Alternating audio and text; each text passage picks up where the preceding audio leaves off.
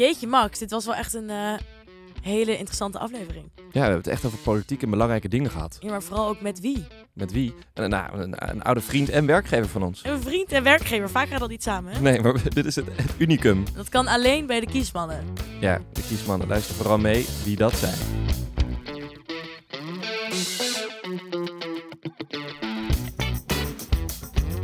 We zitten met een oud werkgever aan tafel.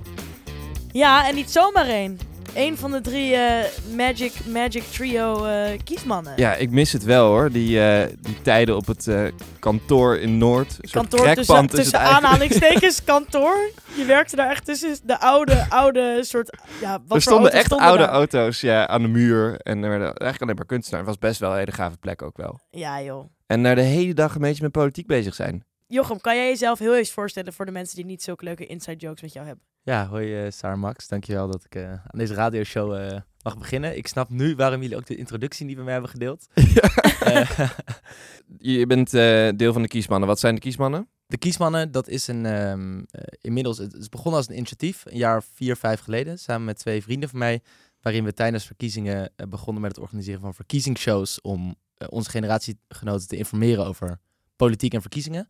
Omdat we vonden dat er op, ja, eigenlijk met stemwijzers en lange verkiezingsprogramma's ehm, ja, niet hele goede alternatieven waren om jongeren goed te informeren over waar ze nou op kunnen stemmen. En inmiddels is dat uitgegroeid tot een, eh, ja, tot een echt eh, bedrijfje.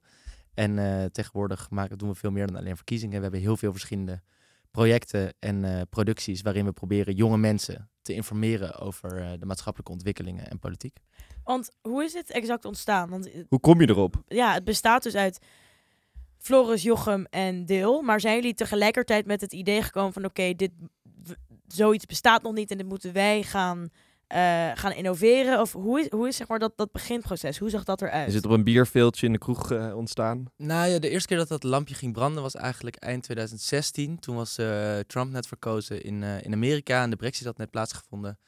En eh, toen ging er bij ons, er zouden toen verkiezingen aankomen, begin 2017 in Nederland, gewoon nationale verkiezingen. En wij hadden op dat moment gewoon heel veel gesprekken, er gebeurde heel veel in de wereld. Ehm, van, ja, hoe zorgen we er eigenlijk voor dat een jonge generatie actief betrokken wordt, zodat we dit soort dingen eventueel kunnen voorkomen. En jullie waren student toen nog? We waren, ja, ik was tweedejaars of derdejaars student, denk ik. En ehm, wat we toen hebben gedaan, toen hebben we Pakhuis de Zwijger gebeld, een venue in Amsterdam. En gezegd, mogen we jullie zaal eh, gebruiken? Want wij willen graag een avond organiseren eh, om onze generatie te informeren over de verkiezingen. Zodat zij een goed geïnformeerde stem kunnen uitbrengen. Eh, politiek neutraal, of je nou rechts of links stemt, zorg gewoon dat je goed bent ingelezen. En eh, dat was een heel groot succes. Het was binnen 24 uur was dat uitverkocht. En, en hoe zag die show er op dat moment uit? Is dat, was dat, ik kan me niet voorstellen dat het al zo sophisticated was als de afgelopen jaren. Hoe, zeg maar, kan je ook als je daar nu op terugkijkt, ook wel denken van Jezus, eh, hoe hebben we dat nou toen gedaan? Nou, de grap was eigenlijk dat we, dat we eigenlijk sinds het begin redelijk, dat we dat format redelijk hebben aangehouden. Eh, dus ons idee was dat je binnen anderhalf uur eh, een show gepresenteerd krijgt door de kiesmannen. En als je dan op dat moment de zaal uitstapt na anderhalf uur, dat je dan ongeveer weet ja, waar, Waar de je verschillende staat. partijen staan op de vier, vijf belangrijkste thema's. Dus wij lazen alle verkiezingsprogramma's en probeerden dat eigenlijk op een leuke, laagdrempelige manier samen te vatten in zo'n uur. Dat is redelijk hetzelfde gebleven tijdens onze verkiezingsshows. Alleen zijn we de afgelopen jaren wel veel meer de creatieve kant gaan opzoeken. Eh, omdat we het ook heel leuk vinden om toch ook te spelen met meer eh, met het toneel. Inmiddels hebben we in veel schouwburgen en, eh, en concertzalen gestaan. En we willen ook een beetje van, ja, van die kans gebruik maken om onszelf te ontwikkelen als het gaat om, om zang bijvoorbeeld, spoken word. We hebben raps gedaan van alles. Dus daar zijn we wel echt in ontwikkeld. Maar het format op zichzelf, zo'n anderhalf uur verkiezingsshow, daar zijn we eigenlijk nooit echt van afgewezen. Ja, want ik weet nog dat in 2019 bezocht ik voor de eerste keer jullie show in Paradiso, de grote Europa-show. Of nee, sorry, dat was in de stad Schouwburg. Van Amsterdam, ja. En eh, ik was echt gewoon, ik was echt flabbergasted. Ik was echt zo onder de indruk van Jezus, dat deze jongens gewoon dit kunnen fixen. En gewoon voor een uitge, eh, uitverkochte zaal staan. En iedereen weet het te overtuigen om politiek, zeg maar, hip te maken. Toen heb ik ook eh, Jochem Deel en eh, Floris eh, gestalkt. Van tevoren voor een kaartje, want alles was uitverkocht. Heb ik Ja. uiteindelijk nog via Ticketswap er eentje gevonden. Het was echt heel erg. Ja, ik Toen weet heb, ook toen nog heb heel ik jou goed. nog uit aangesproken, toen daarna nog. Ik weet het nog heel goed. Jij kwam na, na de show naar ons toe en jij zat volgens mij toen nog op de middelbare school. Ja. En eh, we vonden het eigenlijk ontzettend leuk, want we willen ook juist nog meer jonge mensen bereiken. Niet alleen eh 18-jarigen, maar ook juist mensen, misschien al op middelbare scholen, die er enthousiast over worden. Dus ik weet nog dat wij, eh, toen je naar ons toe kwam, dat we dat heel erg stoer vonden. Eh, maar ook heel erg leuk om te zien dat er gewoon ook al echt jonge mensen betrokken zijn en bij ons in de zaal zitten. Want ons doel is toch een beetje ehm, eh, ja, om onze generatie meer politiek actief te krijgen. En ook vooral beter geïnformeerd te krijgen. Want we praten natuurlijk de hele tijd over ontwikkelingen. Het is op een, een of andere manier hot of sexy geworden om je wel te bemoeien met maatschappelijke ontwikkelingen. Maar toch zien we wel vaak dat er eigenlijk die informatievoorziening beperkt is. En dat wij toch redelijk veel generatiegenoten hebben die gewoon alleen maar blijven scrollen op hun telefoon.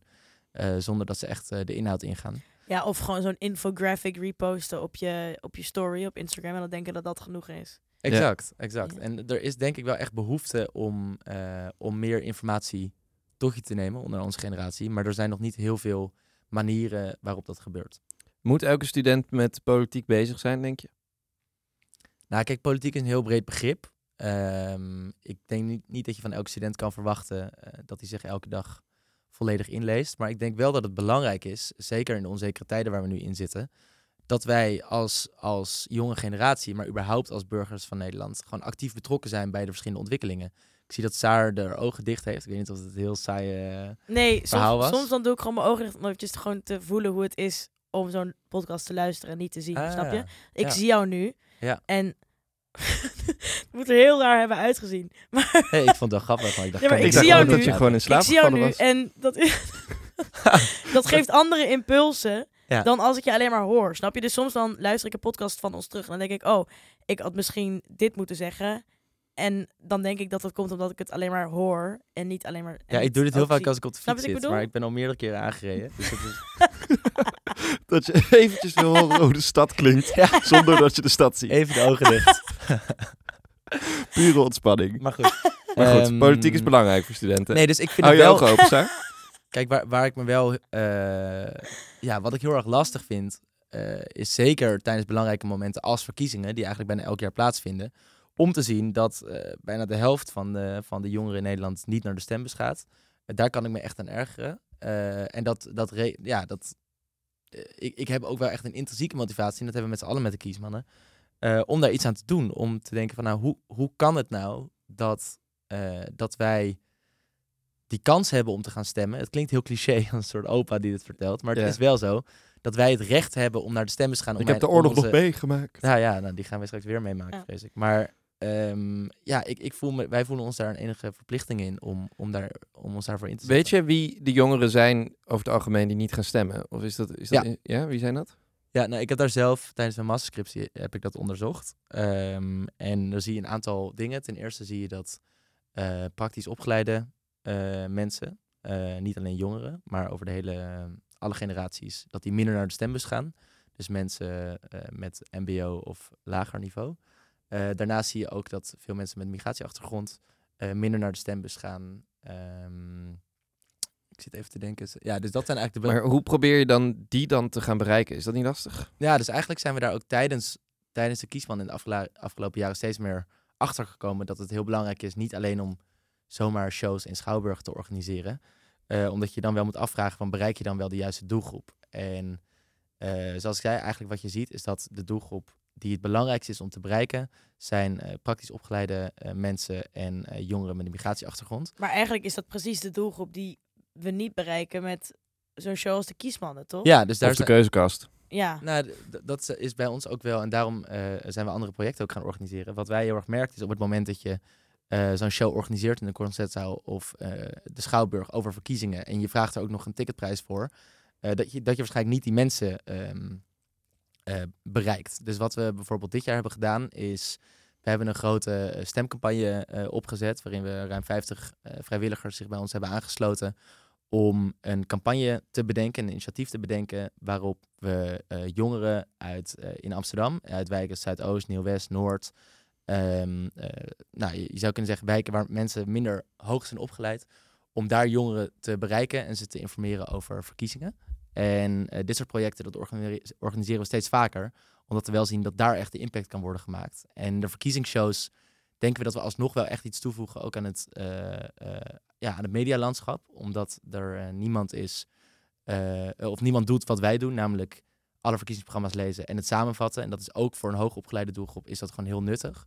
Ehm, maar ja, we zijn er wel steeds meer van bewust dat we ook echt andere initiatieven eh, belangrijk zijn. En andere projecten van ons om juist die doelgroep te bereiken die niet gaat stemmen. Hebben jullie er dit jaar een, een verschil in gemaakt? Zeg maar, ka- is dat, is dat te meten? Nou, kijk, impact meten is eh, met, met verkiezingen is eigenlijk bijna onmogelijk. Ja. Je kan het alleen maar op individueel niveau meten. Eh, dus wat we altijd doen is eh, dat we na afloop van verkiezingsshows bijvoorbeeld, dat er enquêtes zijn en kijken van, hè, zit er een verandering, ben je wel of niet gaan stemmen? Eh, met die campagne hebben we de, eh, die evaluatiesessies, die, daar zitten we nu in deze maand. Eh, om te kijken van in hoeveel, impact hebben we echt gehad. Wat je wel ziet in de afgelopen vier jaar, dus bij elke verkiezingen, dat er meer jongeren zijn gaan stemmen. Met de Europese verkiezingen 2019, eh, maar ook met de nationale verkiezingen afgelopen jaar. En nu met de gemeenteraadsverkiezingen was eigenlijk de eerste dip te zien. waar zowel ehm, jongeren als volwassenen een stuk minder naar de stembus gingen. Ehm, goed, daar kan je allerlei conclusies aan vasthouden. Er werd vooral gedacht dat het eh, te maken had met meer scepticisme na eh, coronatijd. En ook te maken had dat eh, de gemeenteraadsverkiezingen ondersneeuwden door de invasie in Oekraïne. Ja, dat er minder debatten waren en minder Ja, aandacht was gewoon voor. veel, veel minder zichtbaarheid. Dus het is heel erg lastig peilen. Maar wij hebben wel echt het idee dat we met onze initiatieven heel veel mensen bereiken. Duizenden jongeren met onze shows. We hebben nu twee shows in Paradiso gedaan. Bijvoorbeeld dit jaar was het 1200 jongeren. Maar met onze campagne hebben we echt duizenden jongeren bereikt. Dus je hoopt wel dat je daar een impact kan maken. Maar we kunnen niet in ons eentje. Dus daarom is het heel belangrijk dat Ja. er gewoon veel verschillende initiatieven zijn. Jullie zijn begonnen als studenten met de kiesmannen. Ja. Ehm, mis je dat? Dat je zeg maar vanuit een soort studie eh, of die studententijd dit aan het doen bent en nu ben je uiteindelijk ja, dit als, als fulltime werk aan het doen. Maar mis je dat studentenkarakter eraan ook nog? Ehm, nee, eigenlijk niet. Ik, het is wel een beetje sinds anderhalf jaar doen we dit nu fulltime. Dus we zijn afgestudeerd anderhalf jaar geleden. En eh, toen hebben we bedacht, we vinden dit zo belangrijk en zo leuk eh, om bezig te zijn met, met politiek, maatschappelijke problemen. Ehm, dat, ik, dat ik er alleen maar van kan genieten dat ik het fulltime mag doen. Ja. Dus het is echt een eh, ja, het is echt sociaal ondernemen. We hebben een kantoortje in Amsterdam Noord. We hebben veel freelancers die met ons werken, stagiairs die we hebben kunnen aannemen. En dat, ja, het feit dat, dat we dit nu fulltime kunnen doen, dat, dat ik er niet daarnaast ook nog hoef, bij hoef te studeren. ehm, ja, dat is toch ook een beetje een droom. En dat geeft ook kansen om dit uit te breiden. En dat maakt het, ehm, dat maakt het heel erg leuk. Dus dat, tuurlijk, het onbezonnen van onze studententijd. eh, waarin we dan een optreden hadden in eh, de stad Schouwburg in Groningen. En dan de volgende ochtend pas om vijf uur ergens in bed lagen. Eh, en dan die- naar college moet. ja, die, die tijd is wel voorbij. Het is wel echt geprofessionaliseerd. Maar ik Ja. mis die tijd niet heel erg. En Ehm, als je dan kijkt naar, dus misschien een hele moeilijke vraag, maar over vijf tot tien jaar, wat is er dan nog over van de kiesman en in hoeverre is dat zeg maar ja, volwassen geworden? Waar willen jullie zeg maar echt uiteindelijk heen daarmee? Ja, dus we zijn de afgelopen eh, maanden heel erg ook op zoek geweest van eh, wat, wat zijn onze ja, vergezichten? Waar willen we heen in de komende jaren? En ten eerste hebben we echt besloten met de kiesmannen door te willen gaan. Eh, maar vooral rondom verkiezingen. We, we denken dat dat gewoon een sterke eh, eh, branding heeft en dat het ook echt impact maakt. Dus elk jaar als er verkiezingen zijn, komend jaar provinciale statenverkiezingen, nou, daar val je echt van in slaap. En ons, dat geeft ons alleen maar meer energie om daar aantrekkelijke content te maken. Dus daar gaan we mee met de kiesmannen. Maar daarnaast hebben we ook een, een Europese stichting opgezet. Waarin we heel veel Europese projecten gaan doen om jongeren door heel Europa te betrekken bij Europese politiek. Wat we namelijk merken is dat eh, er ontzettend veel wordt besloten in Brussel en Straatsburg. Er gaat natuurlijk steeds meer macht naar dat instituut. Maar eigenlijk het publieke debat over Europa, ehm, daar ontbreekt het enorm aan. Eh, er is ontzettend weinig kennis over en ontzettend weinig interesse ook. Vooral Vanuit- vanuit jongeren toch? Vanuit jongeren, Ook maar vanuit alle. Nederlanders. Er wordt, kijk, en media probeert, als ze er aandacht aan proberen te schenken, dan wordt het niet gelezen. Ehm, dus dat is een, naast de kiesmannen een, eh, een tweede uitdaging die we, die we aangaan.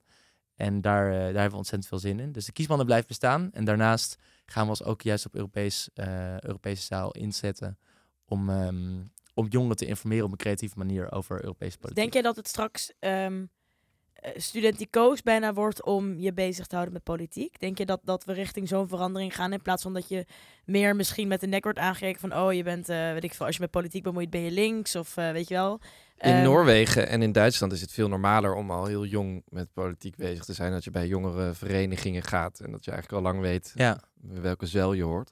Nou, wat, kijk, wat mij echt heeft verbaasd, eh, want we hebben natuurlijk op heel verschillende plekken opgetreden, maar ook bij studentenverenigingen. En wat mij echt heeft verbaasd is dat er is natuurlijk altijd een soort stereotype om- bij studentenverenigingen dat die heel erg grote bek hebben, dat ze alles willen zeggen, een beetje stoer doen, je voelt je te goed voor de wereld. Maar op het moment dat het over politiek gaat, of dat wij eh, ehm, eh, shows organiseerden bij studentenverenigingen, dan durfde, doet.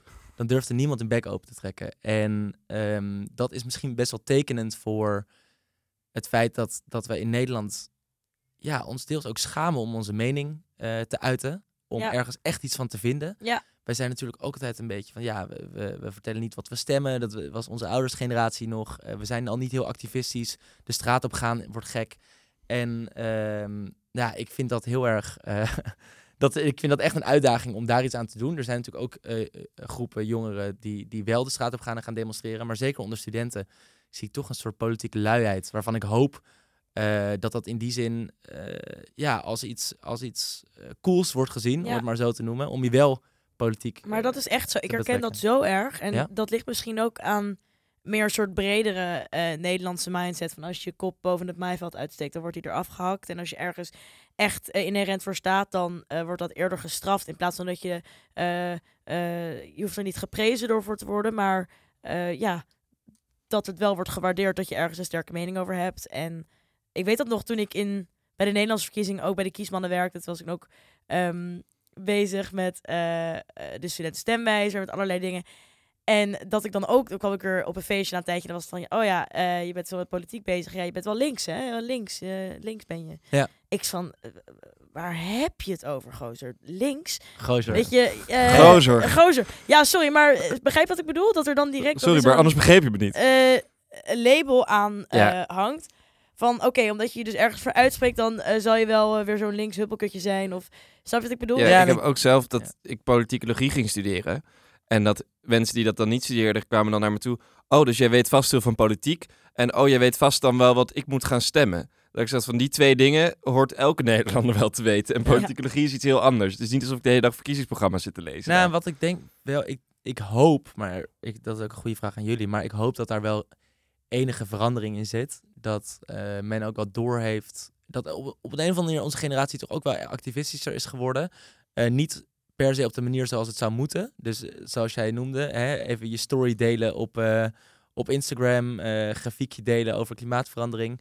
Eh, maar dat zijn wel eerste stappen om in ieder geval die schaamte te overkomen om te laten zien dat je politiek betrokken bent. Nou, wat, En- wat ik altijd heel erg merk, en ik vraag me af of jij ook hetzelfde ziet, Joch, en, eh, en jij ook, Max, dat ehm, wat ik altijd heel bizar vind, is dat Nederlandse eh, studenten of jongeren, of Nederlandse überhaupt, ja, wij, zijn altijd heel erg geïnteresseerd in eh, Amerikaanse verkiezingen, wat er in Engeland gebeurt, eh, wat er eigenlijk in de Anglo-Saxische wereld gebeurt. De verkiezingen ook van 2020, eh, zo, ja, eh, ja, 2020 waren ook echt ehm, een soort van reality show bijna. En dat komt Iedereen zat CNN te kijken. komt ook door het Amerikaanse medielandschap. Begrijp me niet verkeerd. Maar ik heb het idee dat mensen veel meer bezig waren met de verkiezingen tussen Biden en Trump. Dan dat ze ooit zijn geweest met de verkiezingen 2021. Terwijl daar zoveel meer, obviously, voor ons op het spel stond dan een Amerikaanse verkiezing eh, eh, de kilometers verderop.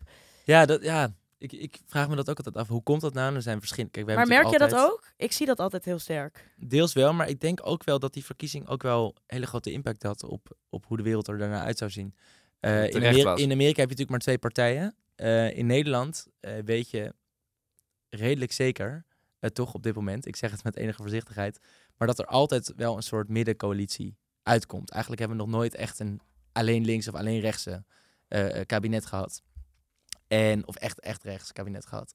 En in Amerika eh, is dat natuurlijk wel anders. Dus je hebt of optie A of optie B. Dus ik snap dat dat eh, ja, ook meer spanning met zich meebrengt. Ja, en het ging ook om Trump nog langer of niet. ja, wat maar voor de hele wat, wereld. Ik meer, wat ik meer ermee bedoel is van het activisme zit er dus wel ergens in. Snap je wat ik bedoel? Dat het zit dus wel ergens. Uh, ons vermogen om, er, Ja, om over Dus politiek... waarom, waarom kan het dan zetten. wel bij Trump en Biden en waarom kan het dan niet bij je eigen landelijke verkiezingen? Dat vind ik dan altijd zo bizar. Ja, ik denk misschien ook wel dat je een beetje je eigen, in je eigen bubbel zit hoor. Ik vraag me af hoeveel mensen nou die verkiezingen van Trump en Biden in Nederland hebben gezien. Ehm, ik, inderdaad, bij ons in Amsterdam wordt natuurlijk af en toe best wel naar die verkiezingen gekeken. Maar ik denk dat de meeste mensen in Nederland echt niet die verkiezingen enorm hebben gevolgd. Eh, het is wel zo, je kan je afvragen, er zijn natuurlijk, eh, eh, hebben wij ook in de Nederlandse politiek stijlen overgenomen die ze in Amerika gebruiken. Kijk naar. GroenLinks met de meetups bijvoorbeeld, waar ze een Amerikaanse denktank hebben ingeschakeld. Of een Amerika Amerikaans campagnebureau om, om, om GroenLinks een beetje te helpen van hoe krijgen we nou ook mensen op de been om naar onze meetups te komen.